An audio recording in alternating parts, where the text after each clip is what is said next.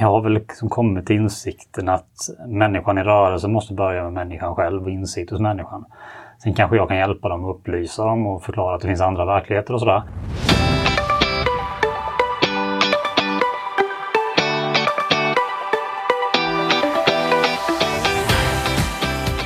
Hej och välkommen till en podd om yrkesstolthet. Idag så träffar jag Stefan Kristoffersson som jobbar med människor i rörelse.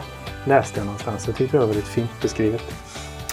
Det är den tredje rekryteraren som jag intervjuar i den här podden. Det har blivit mycket så, eh, speciellt under det här sista året som kanske inte riktigt har varit normalt. Men jag ser ett stort värde i det. Dels för att jag själv är nyfiken men jag också vet och har sett på statistiken att det tycker lyssnarna också. Så att därför är du här. Och eh, mitt namn det är Samuel Lindén.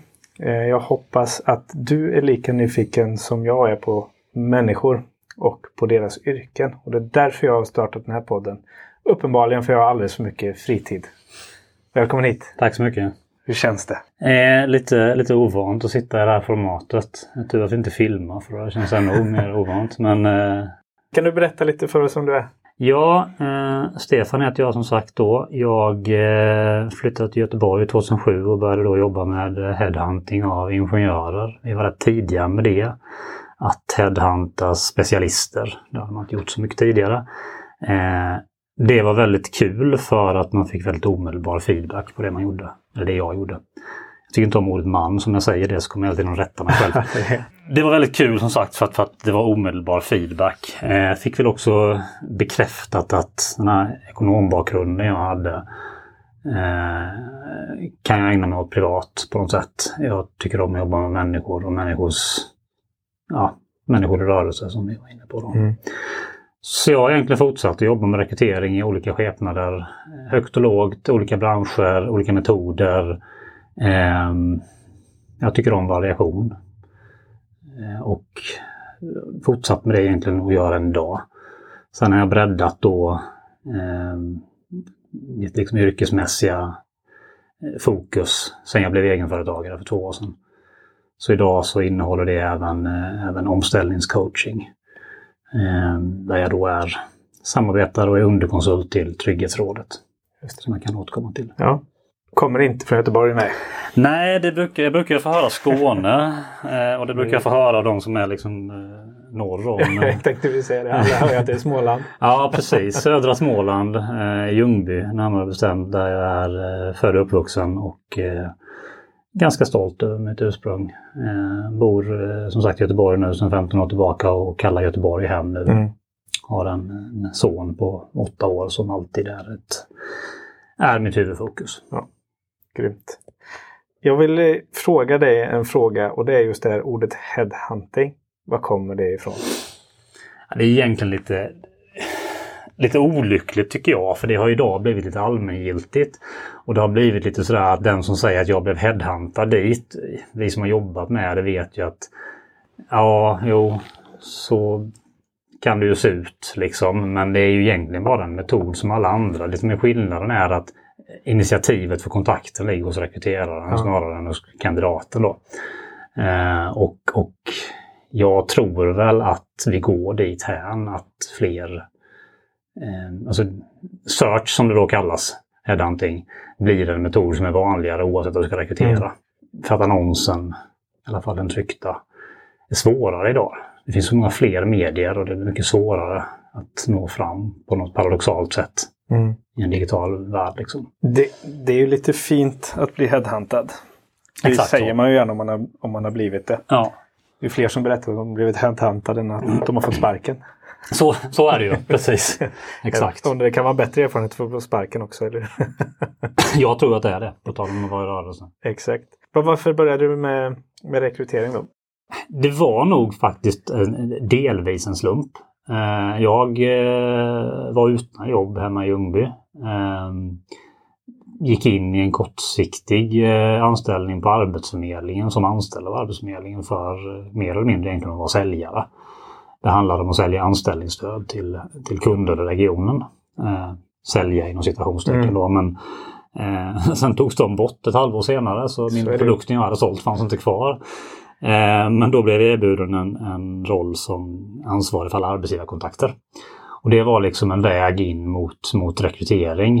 Eh, det blev en väg in för att få träffa ganska tunga beslutsfattare mm. i regionen. Och det tränade väl mig i att försöka förstå hur företag fungerar, vad de behöver eh, och hur jag kan hjälpa dem. Sen kom jag väl lite till vägs ände just kring hur jag kunde hjälpa dem i den regionen. Arbetslösheten var nästan noll.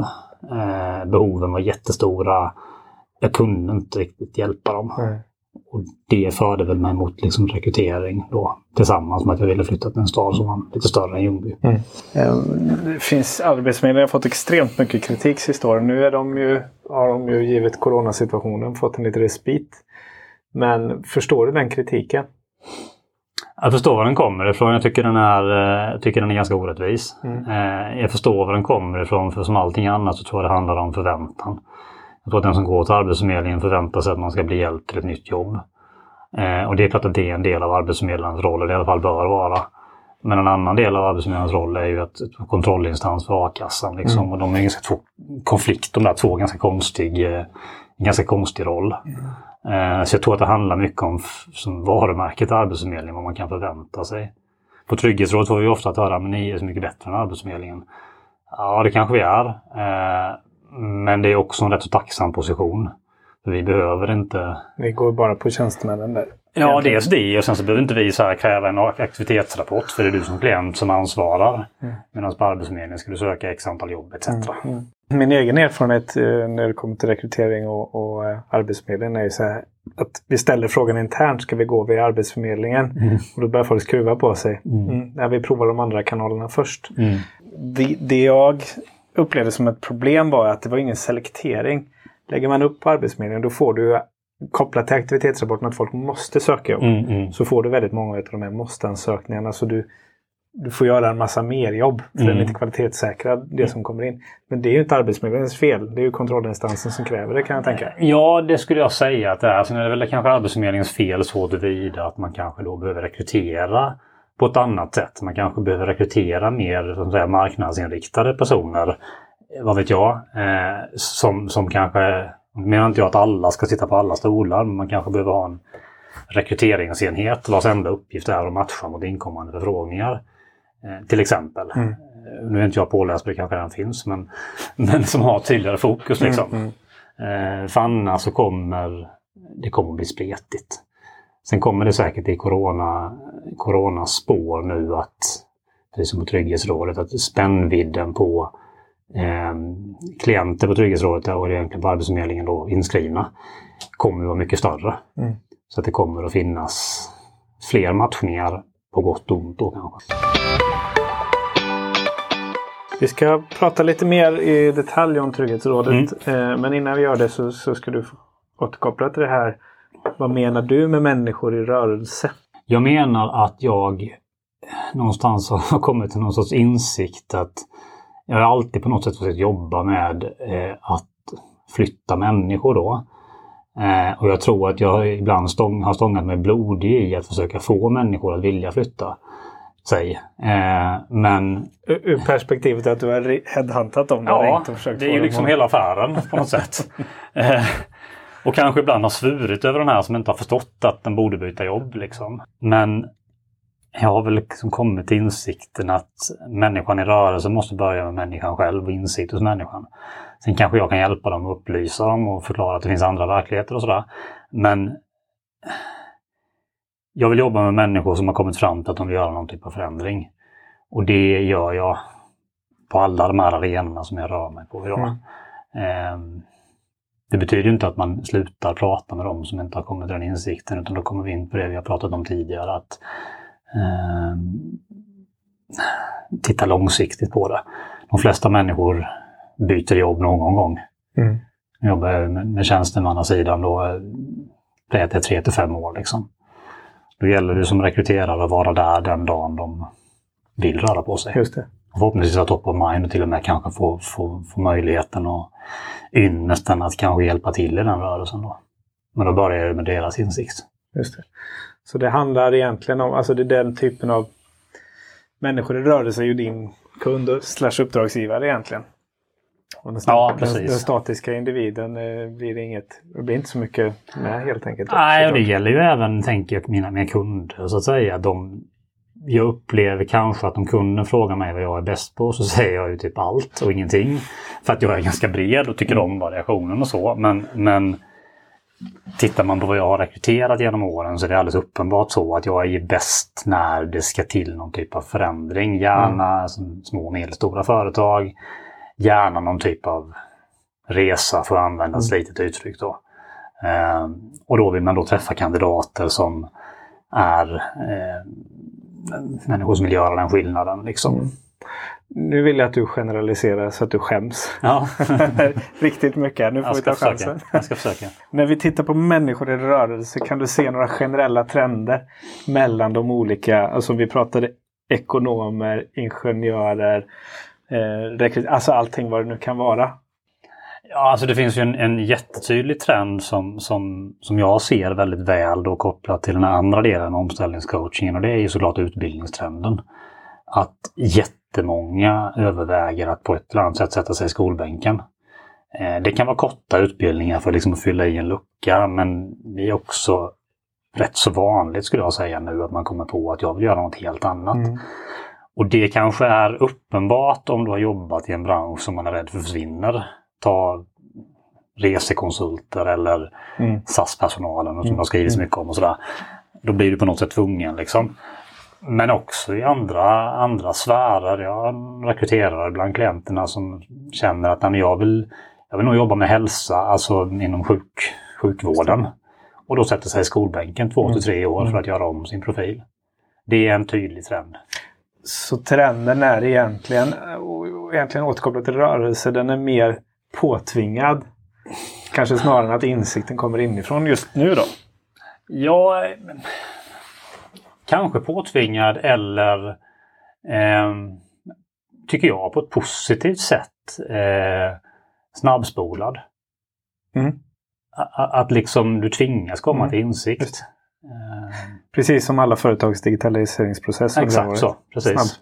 Det var bra. Ja, det, behöv, det behövde vi ju absolut. på väldigt, väldigt många olika sätt. Mm. Människor i rörelse. Jag tar med mig det. Jag tycker det är ett väldigt bra sätt att beskriva det på faktiskt. Jag tackar dig för det. Mm. Eh, nu går vi in på lite mer hårda fakta och då för det första, vad är Trygghetsrådet? Det är ju en, en stiftelsedriven organisation som, nu blir det väldigt byråkratiskt, men eh, arbetsmarknadens parter kom eh, 1974 fram till att man skulle bilda Trygghetsrådet.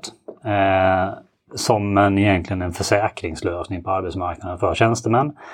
Eh, så den har funnits sedan 74, har funkat så att det bolag som är kollektivavtalsanslutet eh, betalar en bestämd summa av sin, sin lön, totala lönesumma för att finansiera Trygghetsrådet för att den dagen man behöver lösa ut den här försäkringen så kan man det. Eh, och då kan man väl säga förenklat då att det är två delar av den försäkringen. Den ena är liksom servicen till eh, ägarna och så företagen då. Det vill säga vi står inför en vikande marknad eller något annat som har hänt. Vi behöver ställa om på något sätt. Hjälp oss att göra den processen på bästa sätt. Eh, ibland eh, leder det fram till att man behöver säga upp människor. Eh, då får man hjälp med den processen och sen så får man då möjligheten att så att säga skriva in de här människorna hos Trygghetsrådet. Eh, för att få eh, åtnjuta de, eh, de resurser som finns där i termer av personlig rådgivning, eh, i termer av eh, möjlighet att få stöd till utbildning. Det finns även pengar kopplat till det eh, för vissa kategorier. Då. Mm. Ja, en försäkringslösning. Och det påkallas av arbetsgivaren snarare än, än arbetstagaren. Ja, så är det. Och då går man in och gör de här insatserna. Vad kan det handla om för insatser man kan göra? Jag brukar dela upp det i tre delar. Eh, ett, att alla får rätt, nästan alla ska jag säga, men alla får rätt till en personlig rådgivare. Som då är din liksom speaking partner i allt från att läsa CVn, eh, bygga en LinkedIn-profil, men också kanske peppa inför intervjuer, vara, vara någon som man kan bygga alla till om man vill det. Liksom. Eh, så det avgör väl klienten till stor del. Då. Så det är del ett. Del två är en generellt sammanhang för många som blir av med sina jobb knuffas liksom ut i ett icke-sammanhang. Eh, och det är ganska, kan vara ganska depressivt och ganska Mm. jobbigt. Du har liksom haft någonstans att gå och känt sig behövd och allt det här så plötsligt så blir det tomt där. Mm. Eh, då är det här en, en... Det finns en massa saker som gör att du har ett sammanhang. Innan corona så var det mycket att du kunde sitta på i trygghetslokaler om du vill. Det kan du fortfarande men det utnyttjas ju kanske inte lika mycket då. Eh, men också att det rullar liksom webbinarier, seminarier, inspirationsföreläsningar. Alla möjliga aktiviteter rullar hela tiden. Och där kan du, där har digitaliseringen varit väldigt bra för att nu är ju sällan antalet platser speciellt begränsat. Så du kan sitta där jättemycket Mm. och få, få ett sammanhang. Och sen nummer tre kan man säga är väl mer individuellt utbildning då att, att ha en, eh, ha möjlighet att fylla i de luckor du har på olika sätt. Eh, antingen de är kortade, behov av certifiering eller programvaror och sådär. Eller då som sagt en större rörelse där du byter yrkesbana. Hade en klient nyligen som hade varit lokförare fram till typ början av 90-talet. När han hade blivit om, liksom varslad då. Och sen IT-konsult. Och sen ytterligare ett sånt tredje som Mm. inte alls besläktade med Nej, varandra. nej. Eh, och det är väldigt häftigt att få ta del av det. Och så är det ju idag. Det jag pratade med i den andra rekryteringsintervjun just det här Mm. att arbetsmarknaden, livstidsanställningarna är, är borta sedan Ja, länge. men så är det ju. Alltså, självklart de finns ju också men det ser ju så annorlunda ut. Liksom. Mm. Att man är mer aktiv i sitt jobbande överlag. Liksom. Och det är, ju, det är ju jättebra för att det är så gör ju att det blir lättare att göra den omställningen. Kanske inte så stigmatiserande. Kanske. Precis, precis. Vad, vad gör du på individnivå när du går in eh, som konsult för Trygghetsrådet? Dina klienter? Då jobbar jag på klientsidan enbart. Jag jobbar inte så mycket på kundsidan. Eh, och då jobbar jag, jag har ett antal klienter som är kopplade till mig. Eh, ganska mycket, alltså, förenklat så blir det ju en process som ofta börjar med, givet att individen mår okej efter omständigheterna Mm. liksom och det känns som att fokus är på att hitta ett jobb. Eh, då är det ju ofta så här, men se till att det finns ett CV på plats som är, som är bärkraftigt. Se till att det finns en LinkedIn. Se till att personen i fråga har en plan och riktning för hur man ska komma till det där jobbet. Och gärna sätta någon typ av eh, tidsmässig projektplan för det, hur man når dit då. Eh, är det studier så gör man på motsvarande sätt. att okay, vad krävs för att komma dit? Ehm, och är det personer som mår mindre bra så, så kanske man pratar om stöd från psykolog och sådana saker. Det kan man få genom Ja, det kan man få. Eh, Det är väl kanske inte det första man tänker Nej. på så, men om man känner att jobbfrågan inte är eh, relevant Nej. eh, så kan det vara aktuellt. Då. Vad skulle du säga är de största utmaningarna för, för klienterna generellt?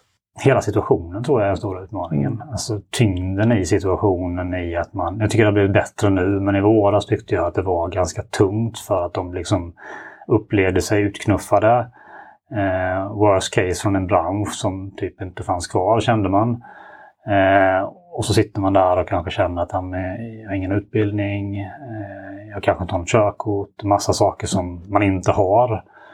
Och att då ha kraften att ta tag i de sakerna, det kan vara ganska tufft. Ja.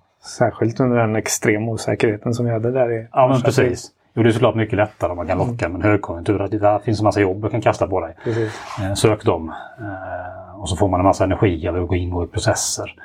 Nu är det mer hanterande av att ja, men det var så himla många sökande till den här rollen. Ja. Hur ska jag kunna nå fram i det här bruset av sökande? Hur många är det ni har hanterat så här långt det här året? Ja, det är en bra fråga. Det vet jag faktiskt inte på rak.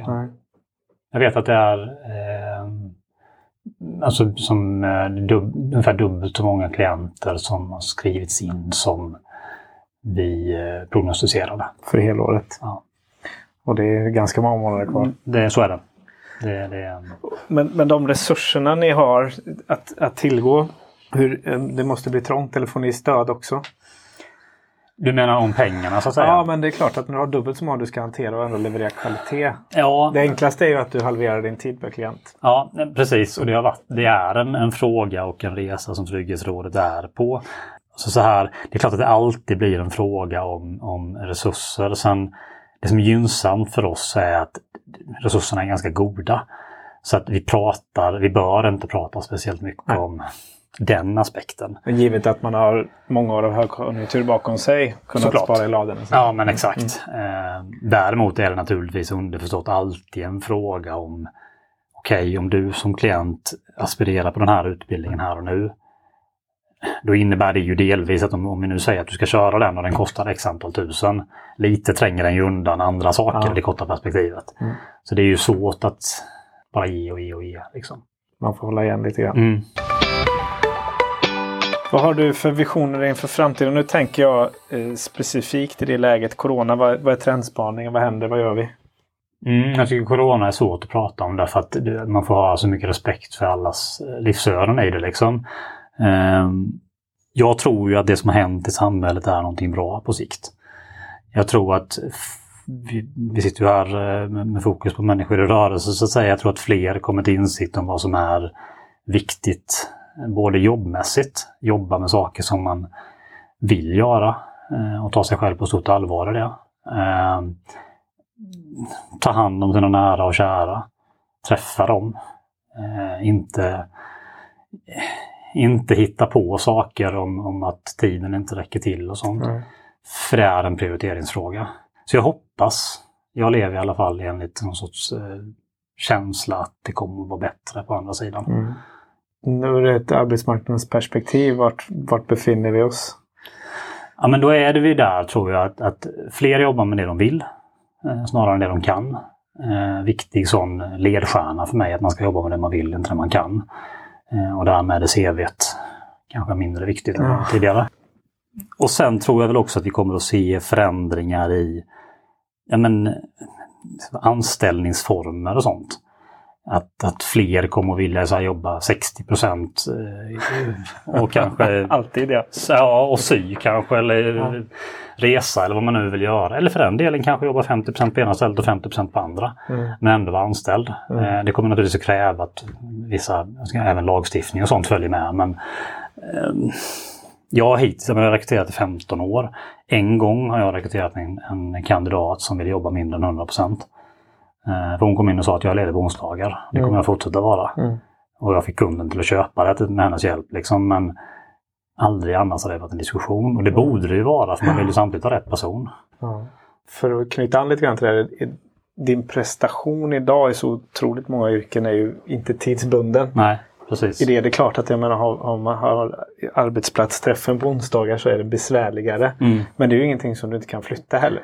Eller om du ska bemanna en funktion som måste ha Exakt. över tid. Liksom. Ja, och vi har också bevisat nu med digitala att, att man, man kan lösa de här sakerna Ja. på olika sätt. Liksom. Vilket då såklart kommer få till eh, konsekvens att väldigt många av de jobben de facto aldrig kommer att återuppstå. Nej. Vilket, för att ge min syn på den här trenden eller vad Mm. det är arbetsmarknadsmässigt. Så för det första så ska vi ju vara väldigt tacksamma över den typen av socialförsäkringssystem vi har i Sverige där man Absolut. har puttat in väldigt, väldigt mycket resurser. Vi har haft en låg statsskuld, vi har kunnat göra det. Det. Så att, jag menar, fler har inte blivit hemlösa i Sverige på det sättet. Nej. Det är inte någon dålig stämning på byn utan folk går runt, har saker att göra, känner sig Absolut. överlag då. Det finns självklart undantag. Men vi kommer hamna i ett läge om några månader, eventuellt eh, till årsskiftet, där de här permitteringsstöden de facto upphör. Mm. Det är mycket möjligt att de förlängs för vissa branscher ett tag till. Men där och då måste man ju fatta de här besluten. Mm. Så är det. Och vad händer? Vad händer med de här olika funktionerna? Så att jag tror att vi har kommit långt. Vi är inte färdiga men det kommer komma en, en puckel på slutet.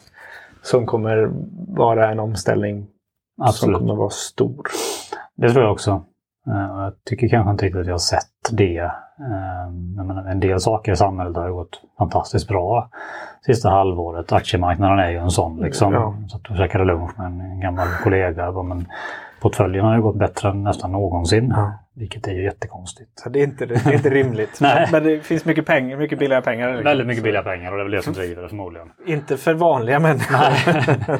Nej, men det är ju ändå mycket pengar i samhället och, och det finns få alternativ Mm. för den som vill Mm. investera. Mm. Eh, vilket gör att säkert är det som driver aktiemarknaden. Mm. Då. Eh, sidospår. Men, Precis. Eh, jag tänker att vi ska försöka knyta ihop säcken här på slutet och, vara lite konkreta. Mm. Eh, ge lite tips till folk som Mm. sitter här. Antingen är i den här rörelsen vi har pratat om eller kommer hamna i den. Alltså, steg ett tror jag är att göra en, en övning med sig själv. Eh, för att det ofta tror jag att insikten börjar eh, med att personen i fråga känner att eh, det är någonting som gnager i mig. Jag är nog inte riktigt på rätt plats. Eh, pratar vi om yrkeslivet här, men det gäller väl livet i stort. Eh, när man känner den känslan så tror jag att man bör, man bör ta den på allvar eh, och ta sig själv på allvar i att men om jag känner det då ska jag väl kanske försöka förändra det på ett eller annat sätt. Eh, innebär det att jag behöver tillföra saker eller ta bort saker? Men sätta sig ner på sin kammare, eh, fundera över vad är det historiskt som har skänkt mig energi när jag har kommit till min rätt. Liksom. När mår jag bra? Skriva ner de sakerna. Inte i den ekvationen bry sig om vilket jobb jag ska ha eller vilken bransch jag ska vara i. Utan börja med egenskaperna och arbetsuppgifterna så att säga. När man har gjort det så har man liksom en, en ballpark på vad man trivs med. Eh, därefter så är det, är det mer rimligt att gå och börja prata med, prata med sin omgivning och börja göra research på vad skulle jag kunna göra för någonting. Mm. Och det behöver inte vara en stor rörelse. Absolut inte. Det kan till och med vara så såklart att man är kvar i samma jobb men tar bort vissa saker. Mm. Personalansvar är en sån grej. Det kanske är det som skaver. Kanske inte ska ha personalansvar till exempel. Även om eh, vad heter det, konventionen föreskriver att den här rollen bör ha det eller din karriär eh, är där liksom. Så, ja, börja i det egna. Och när man har hittat det är ju inte lite att begära av lyssnaren det här. Det är, Nej, vad ska jag göra när jag blir stor? Den frågan kommer jag att ställa till mig när jag själv när jag är 55 också. ja men exakt. Ehm, Men när man, när man, om man hittar det här, liksom, vad, är, vad är första steget för att få det där drömjobbet? Jag tror att ett bra första steg är att som sagt prata med sin omgivning eh, och, och som, värdera det omgivningen säger på rätt sätt. Omgivningen känner ju dig som regel Mm. och kommer att säga saker som till exempel här. Men jag vet drömjobbet för dig, du har ju gjort det här och det här så då måste drömjobbet vara det här. Nej, det kan, så, den kausaliteten finns ju inte nödvändigtvis. Eh, men prata ändå med omgivningen för fe- feedback och sen gå ut och sträcka ut handen till ett, ett antal rekryterare tycker jag. Mm. Välj med omsorg. Ha en djup dialog med tre, fyra stycken snarare än att slänga ut till alla. Eh, Har ni rekryterat tid till det? Nu ställer jag en kritisk fråga. ja, eh, det bör vi ha, säger jag. Mm. Eh, jag har det. Och, och många jag känner har det. Därför att, tycker jag, man har knäckt koden att vi verkar för kandidaterna lika mycket som för kunderna. För har du fått en människa, får du in en människa med rörelsen i sig, det, det momentumet, så har jag ju en spontan känsla av att där har du en kandidat som du kan placera på rätt många ställen. Absolut. absolut. För i alla lägen när jag har eh, gjort en rekrytering, alla jobb jag haft, så det är ju det engagemanget jag söker. Ja, exakt så. För de, de har jag åtminstone läst på på hemsidan vad de håller på med. Precis. Och jag, jag tänker att det finns två delar av det. Du, den kritiska frågan du ställer med, med all rätt så att säga. Det ena är att om du nu skickar det här till rekryterare, du kanske har några i ditt nätverk som du redan har förtroende för. Om du inte känner att du får audiens, säger jag med citationstecken då, då kanske inte är den rekryteraren du ska jobba med. Eh, så att, så att låt det vara en, en självsanerande process, eh, tänker jag. Eh, Perfekt. Och där är tiden ute. mm. Och det passar ju alldeles utmärkt. För min sista fråga är hur gör lyssnaren för att komma i kontakt med dig? Man går in, eh, eller man mejlar egentligen till Stefan att caminero.se. Caminero är ju mitt bolagsnamn. Det betyder vandrare. Då. Det är, det är så vackert. Efter eh, den, den här leden i Spanien, Caminon. Ja, underbart. Jag kommer givetvis skriva upp det i programbeskrivningen också. Tack för att du kom hit. Tack för att jag Tack fick prata med dig om detta. Det är ett jätteviktigt ämne. Om du som lyssnar vill ha mer tips och inspiration kring just eh, rekrytering så har jag två avsnitt. Ett med Poyan Karimi på Oddwork och ett med Anna Petersson som är på eh, grundare och eh, inte längre vd, styrelseordförande för PS Partner ska jag säga. De här är inspelade ett mitt under coronakrisen när den var som värst och ett som sagt innan Så det kan vara jättebra att få lite olika inspel. Eh, glöm inte att prenumerera på podden så blir det aviserat så snart det släpps ett nytt avsnitt. Och vill du komma i kontakt med mig så är det LinkedIn eller möjligtvis Instagram. Tack och ha det bra!